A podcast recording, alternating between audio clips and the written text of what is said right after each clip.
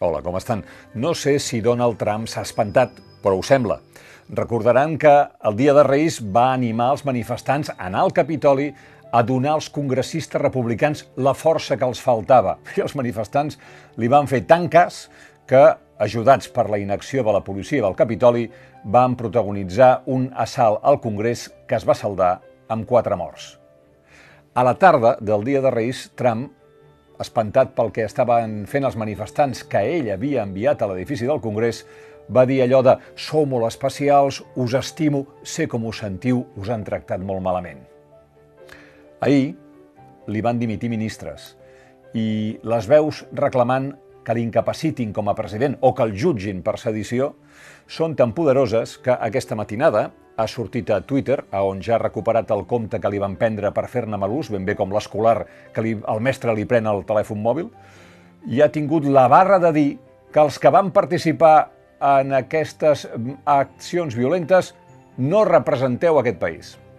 The demonstrators who infiltrated the Capitol have defiled the seat of American democracy. To those who engaged in the acts of violence and destruction, you do not represent our country. And to those who broke the law, you will pay. El cinisme d'aquest home és inigualable.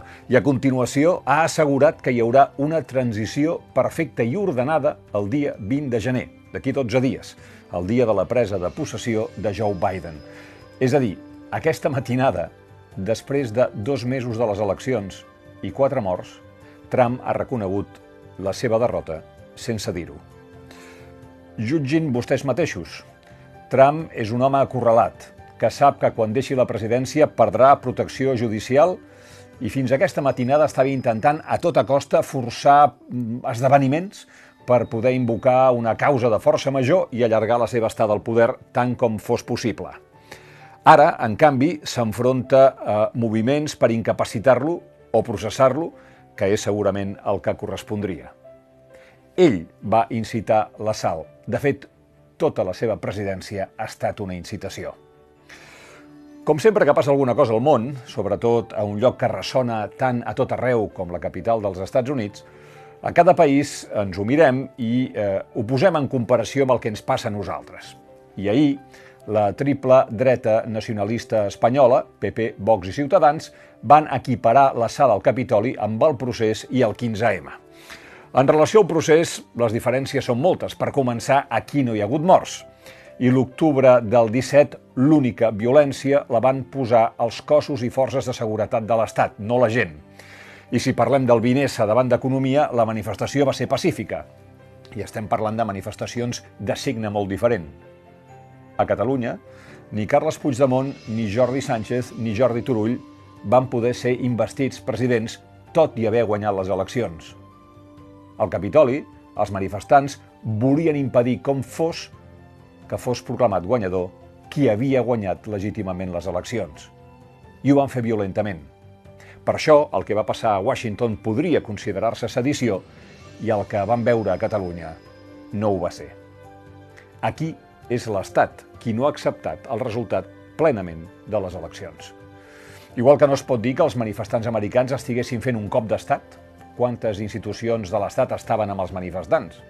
Ni es pot dir que fossin terroristes domèstics, com se'ls ha dit, perquè el terrorisme és tot una altra cosa, és la violència indiscriminada per sembrar, com la paraula diu, el terror.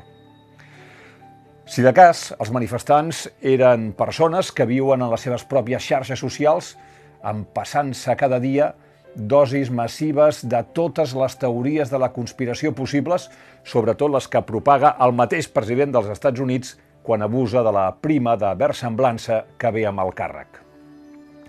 I per cert, compta Pablo Casado amb les comparacions perquè em pot sortir esquitxat. Te recordes quan deies que Pedro Sánchez era un president il·legítim? No és això benzina que pot encendre un foc? El que està passant als Estats Units és que el populisme ha tocat un dels seus límits d'una manera molt visible ha ressonat a tot arreu, hem d'aprendre la lliçó. El nostre reconeixement pels que treballen a primera línia, un record pels que pateixen la Covid-19, pels presos polítics, pels exiliats i que tinguem un bon dia.